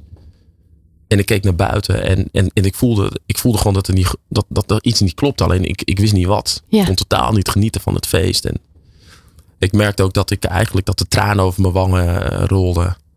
En, en ik wist dus niet waarom. Ik had geen idee wat er aan de hand was. Ik zou eigenlijk blij moeten zijn. En ja, nu, achteraf, weet ik dat ik aan het nadenken was over het jaar daarvoor. hè, In 2011. Wat is er eigenlijk allemaal gebeurd en wat is me eigenlijk allemaal afgenomen? En wat is me afgepakt eigenlijk? Het voelt zo onrechtvaardig. Ja. En, ehm, en ik denk dat dat ehm, een hele harde duw is geweest. Ehm, en geloof me, ik heb, eh, en het is geen zielig verhaal, want het gaat voor de rest hartstikke goed met me. Maar ik heb echt op die bodem van de put gestaan. En, en, en als je het hebt dus over, daar begonnen we al over, hè, dat ik anderen heel graag wil helpen. Dat is omdat ik het allemaal zelf ook er- ervaren heb. Ik weet hoe het is om depressief te zijn. Hè. Ik weet hoe het is om je niet lekker te voelen. Ik weet hoe het is om, eh, om ook weer beter te worden. En stappen te maken. En juist dat gevoel, die reis, dat, dat is wat ik mensen graag wil laten ervaren. Ja, mooi. Daar gaan we straks ook verder over praten. Hm. Het heeft natuurlijk ook allemaal met zelfliefde te maken. En daar gaat het volgende nummer ook over. Lekker leven met Martine. Ja, je luistert nog steeds naar Lekker Leven. Hier te gast is eh, Gregory Sedok. Gregory, we zijn eigenlijk zojuist geëindigd wel in een, in een periode van jouw leven... waarin het ja, eventjes wel heel anders was wat dat betreft. Een, een, een, een, een zwaardere periode. ja, een donkere periode. Ja, een donkere periode inderdaad, ja. ja, ja. Ik, ik vind het heel mooi dat je het, het wilt delen, omdat heel veel mensen dit meemaken, maar er niet open over durven te zijn. Ja. Eh, terwijl het eigenlijk zo mooi is als we, als we er wel open over kunnen praten. Dat klopt. En gelukkig wordt er ook steeds meer over gesproken. Gelukkig ook. Ja, Maar de schaamte snap ik heel goed, want ik heb het zelf ook gehad. Ik werd ziek in 2012. eh, Eind, ja, dat ik dus terugkwam uit, uit Londen. ja, Eh, Ik wist het eigenlijk pas echt in 2013. Maar ehm, eh, dus toch best wel een lange periode. En dan, ja, op een gegeven moment schaam je rot. Ik heb het ook echt met niemand over gehad. Wat merkte je aan jezelf? Kwam je, kwam je moeilijker uit je bed? Dat soort dingen? Of, of kon je niet meer, kon je minder van dingen genieten? Waar merkte je het aan? Nou, genieten. Ik kon heel, sowieso helemaal niks van niks, niks genieten. Van niks eigenlijk. Nee, gewoon nul. Oké. En ehm, ik, ik, ik woonde toen nog alleen in, eh, in Almere. En ja, ik, ik, ik kwam mijn huis niet uit. En als ik het huis uitging, omdat ik ergens echt heen moest. Nou, dan was ik dus bezig mijn dagen op te laden. En dan vrolijk te doen en niemand had het door. Ik had ook mijn afscheid toen nog bij Defensie, weet ik ook nog. En eh, Jack de Vries, oud eh, staatssecretaris van Defensie, was er. En ja, allemaal mensen en een reunie. En ik was daar echt helemaal vrolijk. En ik zat in de auto en toen dacht ik van nou, ik weet niet eens hoe ik thuis kom. Ja. Nou, en dan echt bijna kruipend eh, het huis in. Ja, dan heb ik echt gewoon, had ik twee, drie weken nodig om te herstellen. Dus ehm, ja, dat, dat was een beetje de staat waarin ik eh, verkeerde. Ja. Ja. ja. Wa- Wat heeft jou dan geholpen om uiteindelijk ook je weer steeds langzaamaan weer beter te laten voelen, zeg maar? Hoe kom je uit zo'n diep dal? Uiteindelijk is denk ik, ehm, een, en dat klinkt heel zwaar, maar dat, dat is het absoluut niet. Ik moest beoordeeld worden omdat het gewoon echt niet meer ging. Ja. door een eh, psychiater. En d- ben ik naar Veldhoven gegaan en dan kwam ik daar in een centrum. En dan sprak ik, eh dan had ik sessies met een, eh, met een eh, psychiater, was een Belg. Nou, echt hoe droef het ook is, hoe mooi het ook was. De Mhm. gesprekken die ik met hem had. Hij, hij, het, het was echt, ja, soms springen de tranen nog in mijn ogen dat iemand jou dus zo snapt zonder een oordeel te hebben. Ik bedoel, ik ben ook coach, ik ben leefstijlcoach, dus ik, ik heb ook nooit een oordeel. Ik hoor, ik hoor het aan en je probeert daarin te coachen. Ja. Alleen nu zit je aan de andere kant. En, en, en ik had geen idee dat ik, wat die, dat, dat ik dacht van, oh, wat zal die van me vinden of zo. Dat, was, dat, was zo, dat waren zulke mooie gesprekken. Ja. Ja, dat, dat heeft ervoor gezorgd dat ik weer vertrouwen kreeg. En dat ik denk van, oh nou, weet je, ik, ik vertrouw hem. En ik vertrouwde dan dus ook weer op dat ik stappen eh, kan gaan maken. En, en ja, en dat heeft er uiteindelijk echt voor gezorgd dat ik. eh, ja, ik heb natuurlijk veel sessies gehad, een psycholoog en weet ik veel allemaal. Maar dat heeft er wel voor gezorgd dat ik weer, eh, weer een beetje zin kreeg in, eh, in, in, in trainen, in, in, in naar buiten gaan, in, eh, ja, in andere dingen. Gewoon letterlijk het leven. Ja, ja, Ja. inderdaad, ja. ja. Ik, ben, ik weet nog heel goed, ik ging naar Suriname toe en, en we gingen daar naar de plantages. En als ik de foto's ook kijk, hè, dat denk ik, oh, ik voel het ook gelijk. Ik voel gelijk van, oh, vreselijk. Want je ziet mijn gezicht is helemaal grauw. En, en ja, je ziet gewoon, eh, het, het, het komt bijna door de foto heen. Kan je Ja. bijna niet meer voorstellen. Ja, Ja. ongelooflijk. Hè? Ja, zo, zo, zo diep zit je dan, maar uiteindelijk klim je daar ook weer uit. Ja. Wat ik uit eigen, eigen ervaring wel kan zeggen, is dat je er toch sterker uitkomt. Dus dat je ook ja, er rijker van wordt. Dat je heel veel van Zeker. jezelf leert. Kun je dat voor jezelf ook zeggen? Dat je jezelf beter hebt leren kennen? Ja, je leert jezelf zeker beter kennen. Gedwongen dus. Ehm, aan de andere kant, weet je, en dat, dat nu ben ik wel heel open, maar ik, ehm, ik, ehm, ik, ik, ik kan heel veel dingen niet meer. En daar baal ik van. Ik kon altijd heel mooi. Nou ja, zo is wel erg om over jezelf te zeggen. Maar Nee, nee, maar niet uit. Dat mag je gewoon zeggen. Ja. nou, ik kon heel mooi schrijven. ja. Ik, ik hield van schrijven. Ik, ik, ik, ik kon wel boeken schrijven. Of mensen, als iemand jarig was, een verhaaltje schrijven. En mensen vroegen me altijd van, oh Greg, kun jij... eh, En, en, en dat is, dat is soort van weg. Het zit wel in mijn hoofd, maar ik krijg het niet meer op papier. En ehm, Dat stukje vrijheid is misschien een, een beetje... stukje vrijheid, een stukje creativiteit of zo. Wel, wel in mijn hoofd, maar niet meer op, in, in, in, de, in de pen. Ja, Dat, dat is weg. En daar baal ik van. En soms komt het een stukje terug. Dan, dan, dan probeer ik dat echt op te schrijven. En denk ik van wow, het komt weer even. Maar het kost dan weer te veel kracht en te veel energie. Maar in mijn hoofd gaat het allemaal hartstikke, gaat het echt helemaal super. ja. En daar ben ik wel blij mee. Alleen ik kan ook wel weer, dus ja, ik, ik, je leert jezelf beter nee, kennen. zeg maar. Ja, ja, Ja. en nee. Maar heel veel dingen kan ik ook dus niet meer. En daar baal ik, daar baal ik wel van. Mailen en zo, dat is wel nog steeds een dingetje. ja. Ja, Ja, als we dan kijken, uiteindelijk ben je toch uit dat diepe dal, ben je echt er ook eruit gekropen. Dat is ook een, een enorme overwinning, denk ik, ook op jezelf. Even los van alle wedstrijden die je dan hebt gedaan. Is dat dan misschien nog eigenlijk wel net zo'n grote overwinning? Dat je, dat je er helemaal uit dat dal weer klimt? Of heb je dat niet zo ervaren? Nee, dat heb ik niet zo ervaren. Ehm, nee, nee, op een gegeven moment, nee, op een gegeven moment, ja, het, het, het was ook zoals het was. Maar ik had genoeg afleiding omdat ik nog sportte. Klopt. En ehm, dus eigenlijk, ja, de sport was meer mijn afleiding. Alleen ging het helemaal niet. Nee, na 2012 tot en met 2016, nogmaals, eh, het, klinkt wat zwaarder dan het is, maar het was, het was gewoon een leidersweg. Het ging voor geen meter. 2013 ben ik vijf dagen opgenomen geweest in Moskou in het ziekenhuis omdat ik daar oud ging. Eh, 2014 eh, was ik totaal uit Forum. 15 het heel jaar geblesseerd. En 16 heb ik het, het, het restje wat nog zeg maar erin zat. Nogmaals, het klinkt zwaarder dan het is, maar zo, zo voelt het wel. het laatste restje soort van energie wat ik nog in me had, heb ik in alles nog in 2016 gelegd. Ja. Nou, en toen kwalificeerde ik me dus nog bijna voor, voor de Olympische Spelen. Maar ik was blij dat ik het uiteindelijk niet had gehaald, want het was echt op. Ja. Ja, het ging echt niet meer. De koek was op wat dat betreft. Ja, die was echt op. Maar als je kijkt naar je carrière nu, heb je wel weer een hele mooie nieuwe carrière ook weer opgebouwd. Ja, precies. En, en dat geeft me weer super veel energie. Ja. Ik ben echt enorm trots dat ik bijvoorbeeld eh, dat ik aanvoerder of ambassadeur mag zijn bij ASR Vitality. Hè. Dat, dat, dat is echt, eh, nou, echt een geweldige job. Maar wat denk je van de tv-programma's die ik mag maken voor Ja. Afrotros? Ja, dat is natuurlijk helemaal een feest. Dat is het. Want je maakt, eh, nou ja, we kennen je natuurlijk als commentator heel vaak bij de NOS. Daar zien we je regelmatig voorbij komen. Dat lijkt me ook te gek om te doen. Mhm. Ja, Want dan mag je dus gewoon gaan kijken naar al die topsporters. Met al jouw kennis. Eh, eh, mag je daar ook je visie op geven? ja feest. De- ja toch? Ja, echt een feest. Ja, ja. Ik heb je ook meerdere keren ook echt wel bijna staan schreeuwen voor die, voor die buis. ja Dan en ben je fanatiek ook wel, hè? Ja, ja, maar er staat er dan natuurlijk weer een camera op. Maar dat is wel hoe ik ook thuis eh, atletiek zat te kijken. Ja, ja. Ja. Dan leef je gewoon echt helemaal mee. ja, zeker. Maar ook met voetbal en ook met wielrennen en ook met, eh, dus ook met andere sporten. Ja, het programma eh, Sportlab Sedok. Een heel mooi programma. Waarin jij ook echt in gesprek gaat met psychologen, maar ook met experts. Ja. Eh, echt wel ook de wetenschappelijke kant ook wel wilt laten zien. Hè? Ja, wat we vaak zien is, eh, is het resultaat. Hè? Dus iemand start en, en finisht of, of, of scoort of wat het ook is. En, en, en doet zijn ding. Ja. Maar vaak zien we het hele traject niet. Hè? Wat zo'n sporter moet doen om uiteindelijk die top te halen.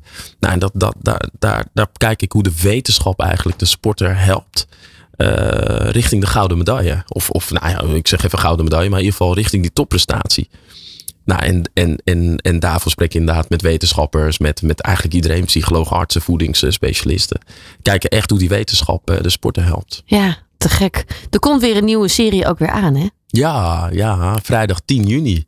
Ja, Sportlabs Doc 3. En dan, eh, Dan, eh, dan, ik weet niet wat de eerste aflevering wordt, maar we hebben vier iconische sportmomenten. Ja. Ehm, dus het wielrennen, Tour de France natuurlijk, het tennissen, eh Wimbledon, eh, zwemmen, 100 meter vrije slag en atletiek van die blanke schoen, de 100 meter. Wanneer winnen we die nou weer eens een keer? Ja.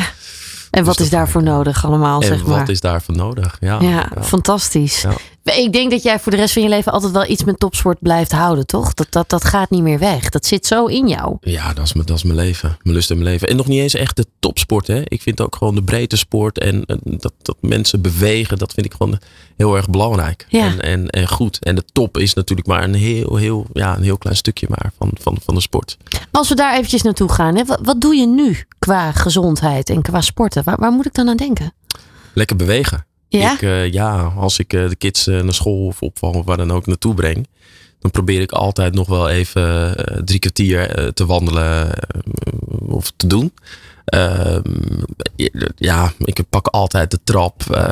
wat het ook is. Ik probeer altijd wel in beweging te blijven. En kijk, ik hoef natuurlijk niet meer. Mijn, mijn, mijn lichaam is ook best wel op, zeg Ja. maar. Hè? Dus ik ben niet meer mezelf aan het eh, afbeulen. Nee, je hebt roofbouw gepleegd natuurlijk ook, hè? Ja, ook Ja. wel roofbouw gepleegd. Eh, plus dat ik natuurlijk altijd de juiste balans moet zien te bewaken tussen. eh, ja, als ik me fysiek uitput, dat, dat het mentaal natuurlijk ook wel eh, zijn weergave heeft. Dus ehm, ehm, ik probeer juist te bewegen. Lekker in beweging te blijven als we op vakantie zijn. En ja, eh, we gaan bijvoorbeeld na het ontbijt ergens heen. Proberen we dat wandelend te doen. Of, nou, zo, zo probeer ik echt wel ehm, lekker fit te blijven. Ja. Heb jij dan ook bepaalde routines? Moet ik dat dan ook echt voor me zien?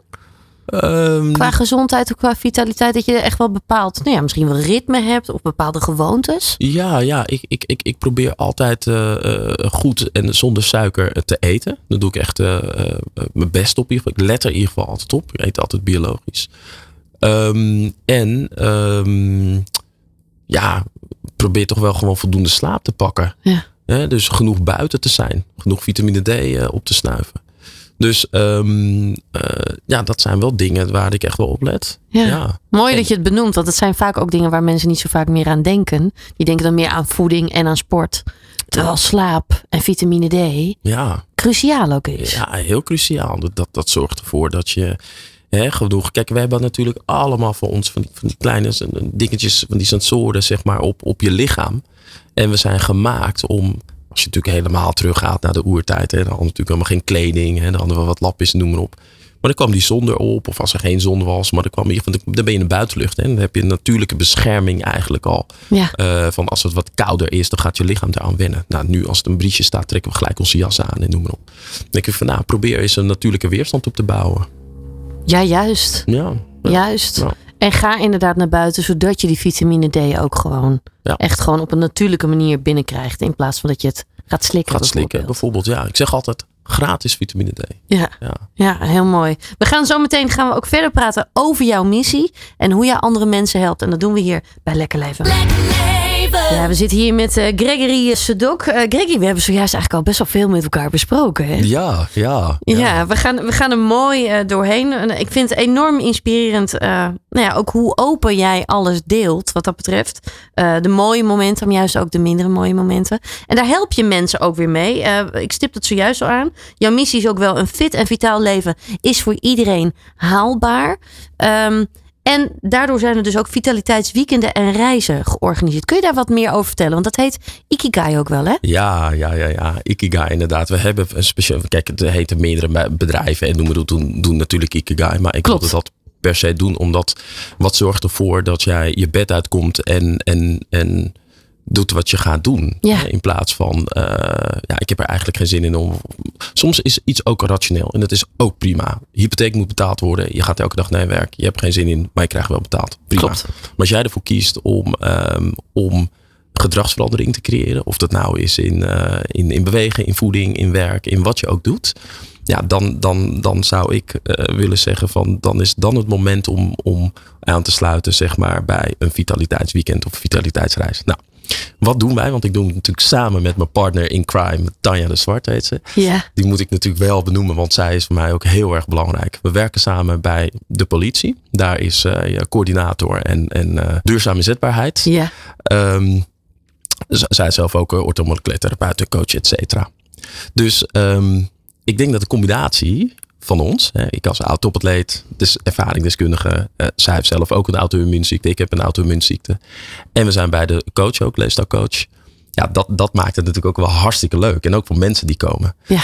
Wij uh, hebben ons uh, krachten gebundeld en wij focussen ons echt op Um, we doen ook thema's trouwens. Hè? Dus uh, wij hebben afgelopen een keer, uh, een paar weken geleden, hebben we een, een, vitaliteitsweekend gehad. Waarbij het thema was echt me-time. Dus echt tijd voor jezelf. Nou, mensen komen vrijdag binnen en gaan zondag weg en hebben echt een te gek weekend. Ja. Um, emotioneel. Soms is het ook wel zwaar, hè, mentaal. Um, maar, maar juist, ze komen heel dicht bij zichzelf. Hartstikke mooi. En een ander thema nu, bijvoorbeeld 8 juli is het volgende weekend is voor vrouwen. Ja. He, dus uh, we hebben genoeg gehoord over hormonen in balans of een disbalans juist. Um, um, maar, maar, juist de klachten hoor je steeds meer. Hè. Als je kijkt naar uh, vergeetachtigheid, uh, gewichtstoename, um, verminderd libido of, of, wat het ook is. juist bij die vrouwen is het goed om daar een weekend niet alleen maar een masterclass over te krijgen van een dagje en, en, en, en wat lunchen, et cetera. Maar om het ook echt te gaan ervaren dat weekend. Hè? Dus ja. echt workshops te gaan volgen het hele weekend. En te ervaren, hé, hey, wat doet dat bijvoorbeeld met mijn lijf? En in september bijvoorbeeld hebben we het Stoïcijns mannenweekend. Hè, bijvoorbeeld, er komen bijvoorbeeld alleen weer mannen. Dus dat vind ik nou zo uniek en zo leuk aan, ons, uh, aan onze weekenden. En uiteindelijk gaan we ook naar het buitenland toe. En uiteindelijk uh, dan doen we dat ook voor de bedrijven. Maar dat vind ik nou net even ja, wat extra's. Dat we dat doen voor, voor ja, dat we een wat groter publiek uh, aanspreken dan bijvoorbeeld alleen en mensen die bijvoorbeeld alleen voor hormonen komen. Of mensen die alleen willen afvallen. Of nou, dat soort zaken. Ja, hoe kijk jij dan echt naar mindset? Hè? Want ook hier is mindset natuurlijk ook weer heel erg belangrijk. Um, voor de deelnemers of voor mezelf? Ja, voor die deelnemers. Ja, voor ja, dat is heel erg belangrijk. En daarom proberen we ook ze op een hele. Ja, we zitten in een prachtige omgeving. Hè. We, zitten, we zitten privé daar. Um, en, en, en dat zorgt er wel voor dat zij zich ook durven open te stellen. Iedereen heeft een, een prachtige kamers. Uh, dus we hebben echt een setting gecreëerd. Ja. Waarbij mensen ook echt even ook helemaal kunnen terugtrekken. Dus je zal geen afleiding hebben van auto's of mensen die er rondlopen of geluid. Of je zit daar echt in een prachtige omgeving. In Baarle-Nassau zitten we. Waarbij mensen zich openstellen. Dat hebben we nu wel, uh, dat hebben we nu wel gezien. Dat we qua locatie echt goed zitten. Zodat mensen echt kunnen werken, kunnen werken aan de mindset. Ja, mooi. Juist ook die stilte dus ook weer even op kunnen zoeken. Juist, ja. ja. Ja, ja. ja. En normaal heb je, wat we terugkrijgen als feedback is dat normaal als je naar zo'n retraite gaat, of uh, dat is vaak heel, ook vaak heel specifiek. Hè? Je hebt alleen yoga of je hebt alleen uh, meditatie. En wij, en wij bieden eigenlijk dus juist in die workshop, workshops alles aan. Hè? Dus je hebt een masterclass, we hebben yoga, je hebt uh, een stiltewandeling, je hebt een, een koude training. Dus je gaat eigenlijk een hele reis maak je in dat weekend. Waarbij we dus ook eten. Is daarop op, helemaal op afgestemd. Um, dus je maakt echt een hele reis eigenlijk. En, en wat we als feedback dan krijgen is dat... Jeetje, je hebt genoeg tijd voor jezelf. Maar we hebben ook niet echt dus iets van... Oh, ik, ik heb behoefte aan van, om even mijn telefoon te pakken. Of, dat raden we ze trouwens ook af. Hè? Verbieden het niet, maar we raden het wel af. Maar mijn telefoon te pakken of uh, de krant te lezen of zo. Ja. Want het is zo heerlijk om even, weet je, tot jezelf te komen. Nou, en dat gun ik mensen dus. Ik gun het mezelf. Ik heb het zelf ervaren, maar goed. ik heb vijf weken expeditie Robinson gehad, dus, dus dat was al fantastisch. Zo is het. En, en, en dat gun ik mensen nu ook. Ja, fantastisch. Ja. Als we dan kijken, hè, want dat, we hebben het over dat mentale aspect. We hebben zojuist ook al wel gedeeld hoe jij dan uh, met een moeilijkere periode bent omgegaan. Maar hoe ga jij nu met je mindset om? Wat, wat, wat doe je daar nog mee? Ja, heel veel. Kijk, ben, je, ben je daar veel mee bezig? Ja, ja continu. Ja, en, en, en dat moet ook, omdat ik natuurlijk een rare periode heb gehad. En het was een wat donkere periode heb gehad. Ja. En ik vind het ook niet erg. En, um, maar, maar wat voor mij heel belangrijk is, is wat doe ik en, en wat wil ik? Ja. En, en hoe ga ik dat uiteindelijk bereiken? Of hoe denk ik dat te gaan bereiken? En daar heb ik vaak heel veel hulp bij nodig. Ik heb bijvoorbeeld veel aan, uh, aan, aan, aan, aan Tanja, met wie ik het samen doe. Mm -hmm. uh, niet, niet in de rol van coach, maar ook in de rol van uh, als, als sparringpartner, als klankbord en als, als vriendin, zeg maar. Ja. En, en, en aan de andere kant uh, uh, ja, komt toch weer de topsportmentaliteit van oké, okay, wat wil ik? Nou, dit is wat ik bijvoorbeeld wil. Of het nou tv maken is, of het nou bij Ikigai vitaliteitsreis is, of wat het ook. En hoe denk ik dat dan te gaan bereiken? En daar ga ik dan voor. En we hadden het net over van ja, maar jij hebt makkelijk praten. Dat mensen dat wel eens zeggen. Nee, ik werk echt vreselijk hard om mijn doelen te halen. Ja. ja. Ja. En daar heb ik soms hulp bij nodig. Ja. Kun je, kun, kun je ons meenemen in, in hoe je dat dan doet, bijvoorbeeld? Wat, wat zijn nu dan je doelen waarvan je zegt, ja, daar zet ik dan dus ook echt die stappen? Ik, ehm, ik, wil, ik, wil in, in, ik wil heel veel mooie programma's blijven maken. Ja. Het tv-programma's. En, en wat ik dan doe, is dat ik heel veel spar, toevallig met, uh, of dat is niet toevallig, dan met mijn, ja, raar om te zeggen, en dat zal hij misschien leuk vinden, maar mijn baas bij de Avrotros. Ja. Um, daar heb ik een heel goed contact mee. En, en wij kunnen echt op dat niveau sparren over wat heb ik nou nodig om uiteindelijk daar te komen. En daardoor maak ik heel veel keuzes dus niet. Doe ik heel veel dingen dus niet om uiteindelijk dat doel te behalen. Ja. Um, en daarnaast investeer ik heel veel in mezelf door. Um, nou ja, ook door die keuzes dus te maken. Hè? Dus door, door heel veel dingen niet te doen. Maar ook door opleidingen te volgen. Door te kijken bij anderen. Bij, um, ik ben een spreker. Dus ik, ik, ik kijk bij anderen hoe andere mensen dat uh, eigenlijk uh, doen. Hoe andere sprekers dat doen. En daar leer ik van. De persconferenties van Mark Rutte. Ja. In, de, in de coronatijd. Ja, dat, dat, dat was voor mij genieten. Elke keer weer. Dan dacht ik, hoe doet het natuurlijk uit de speechschrijver? Maar je moet het op die manier natuurlijk kunnen overbrengen. Klopt. Nou, en dat, is, dat zijn voor mij hele leerzame momenten om ook mijn doelen te, te, te, ja, te behalen. Ja. ja, dus ook wel gewoon lekker veel inspiratie ook wel opdoen om je heen, als ik het zo hoor. Juist, heel veel. Ik vind het zo heerlijk om van mensen. Nou, nu, ja, net even tijdens de muziek hebben wij natuurlijk ook uh, heel over praten. Ja. Maar dat vind ik heerlijk en daar kan ik alweer zoveel van leren. Maar ook van andere mensen. Dat is echt, uh, ja, het, het is, ik, ik, ik als ja, mensen. Ik, ik hou van mensen, ik hou van verhalen. Mensen inspireren me. Ik, ik heb uh, soms wel uh, die of. Uh, ik, ik heb wel eens gehad, en zal ik je vertellen. Ik heb ook trouwens ook de podcast gehoord van jou met, wat met Birgit Lewis, hè, 37 Ja. kilo afgevallen, et cetera. Dat inspireert toch? En, en als mensen bijvoorbeeld zeggen, oh ja, die is uh, dik of weet ik veel. Moet je eens met mensen praten die, die inderdaad wel te zwaar zijn, die obese zijn. Maar die wel goed in, in hun vel zitten. Klopt. Vaak zeggen ook, ja, dikke mensen zijn grappig. Ja, nou ja, uh, ja dat, dat zal misschien wel zo zijn. Dat, dat, dat, zal, dat zal wel zijn. Maar die mensen zitten dus schijnbaar goed in hun vel. Ja. Dat, dat is het eigenlijk. Ja, hè? super Nou, inspirerend ook dat weer. is hè? super inspirerend. Ja. Ja. Wat wil je dan nog meer? Ja, klopt. Het is wat anders als ze niet goed in hun vel zitten en ze doen er niks aan. Kijk, dan heb je een heel ander verhaal. Maar uh, ja, ik ga niet over, oh, iemand is dik. Ja, dus, weet je, ik wil weten, wat, wat, wat, is er met diegene aan de hand? Misschien is diegene wel ziek geweest, daar uh, weet ik veel wat voor problemen. Of iemand is gewoon zo zwaar omdat hij dat mooi vindt. En het zit super goed in zijn vel. Ja. Ja. ja, ben ik ook nog wel even nieuwsgierig. Hè? Want dan heb je dus plekken waar je inspiratie opdoet. Mhm. Maar wat ik ook van veel mensen hoor, is op het moment dat ze ouder worden, daar ook weer uh, nou ja, nieuwe inspiratie uithalen. Dat je ook inspiratie uit je kinderen bijvoorbeeld kunt halen. Ja. Of uit het leven met kinderen. Hoe is dat bij jou? Ja. Weet je, mijn kids, die, uh, vooral, met name bij mijn zoon, dat is, dat is zo grappig. Dan herken ik zoveel uh, in, in mezelf, hè, zoveel terug. En, en als ik naar hem kijk, dan, dan, en als ik de dingen die hij doet, dan denk ik van, uh, wauw, dat, dat doe je echt goed, man. Ik ben, ik ben echt super trots op je. Weet je, dat, je, dat hij fouten maakt, hè? Dat, hij, dat, dat, dat hij fouten maakt en dat hij dat dan ook bijvoorbeeld toegeeft. Ja. Maar ook uh, vandaag, het, het, was best wel hectisch vandaag. En had een kindje mee van, uh, van, van school, mee naar speelde. En dan zie ik de, toch wel de opvoeding van, van Ruben, van mijn zoon. En dan denk ik van, wauw. Ja, dat, dat doe je heel goed. Daar ben ik echt heel blij mee. Hij corrigeert dus zijn vriendje. Oh, wat goed. Ja, dat, dat, dat ben ik wel, ja, daar ben ik wel heel trots op. En daar leer ik ook wel weer van. En daar haal ik ook weer inspiratie uit. Ja, ja mooi. Ja. Wat dat betreft is het wel mooi hoe je dan ook weer gewoon eh, je eigen struggles hebt gehad. Maar ook weer andere mensen daarbij kunt helpen. En ja. ook weer ziet dus uh, nee, dat het bij je zoontje dan ook weer gewoon allemaal wel weer gewoon ook goed komt. Hè? Dat, Ja. dat dingen gewoon goed komen. Ja, met name ja, dat het goed komt. Dat is mijn angst. Hè. Ik heb altijd gehad van, uh, weet je, als ik maar iets kon benaderen hoe mijn ouders mij hebben opgevoed en hoe ik mijn jeugd heb gehad, weet je, zou ik al blij zijn. Maar dat is ook echt wat ik bij mijn kids probeer. Maar dan zie je van, zie je wel, weet je, het, het komt wel goed. Ja. Weet je, je moet, die kids moeten zich lekker ontwikkelen en weet je, natuurlijk uh, maakt die wel eens kapot, iets kapot of zo. Maar dat, ook dat hoort erbij. Weet je, dat vertel ik nu wel heel, en thuis word ik natuurlijk boos. Oh, oh, doe maar op en dan loop ik te schreeuwen. Maar vervolgens ga ik naar bed en dan denk ik van ja, weet je, het hoort er ook wel bij. Maar dan weet hij het in ieder geval wel dat ik even boos ben. Maar ik ben het alweer heel snel vergeten. Ja, als uh, mensen nu zitten te luisteren, hè, iedereen wil een lekker leven. Dat Ja. willen we allemaal. Ja. Wat zou je mensen nog mee willen geven? Want je hebt al heel veel gedeeld, al wel in deze, in deze aflevering. Ja. Wat zou je tot slot mensen nog graag mee willen geven? Voor een lekker leven. Doe het. You have to start to finish. You have to start to finish. Dus je, je zal die eerste stap moeten zetten. En wat het ook is, hè? Wat, wat is een lekker leven?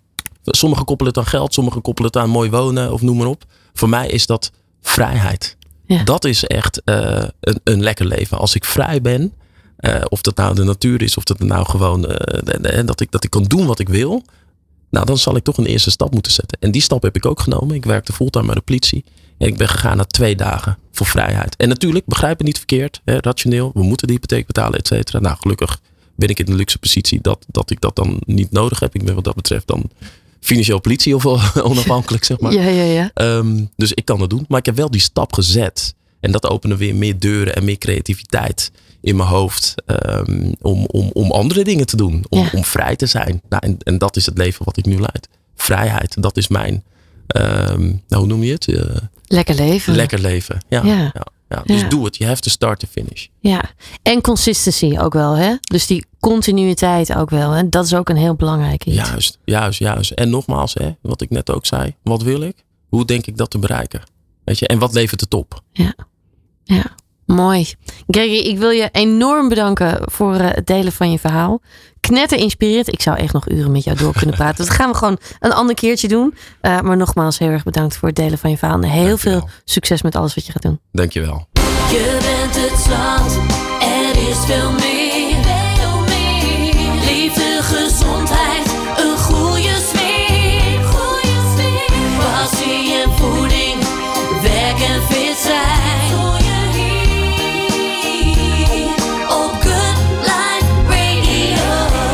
En daarmee zijn we alweer aan het einde gekomen van deze extra lange Lekker Leven. Met hopelijk ook extra veel inspiratie voor jou. Heb je vragen of opmerkingen? Laat het mij dan alsjeblieft weten via mijn Instagram kanaal Martine Houwert met AU.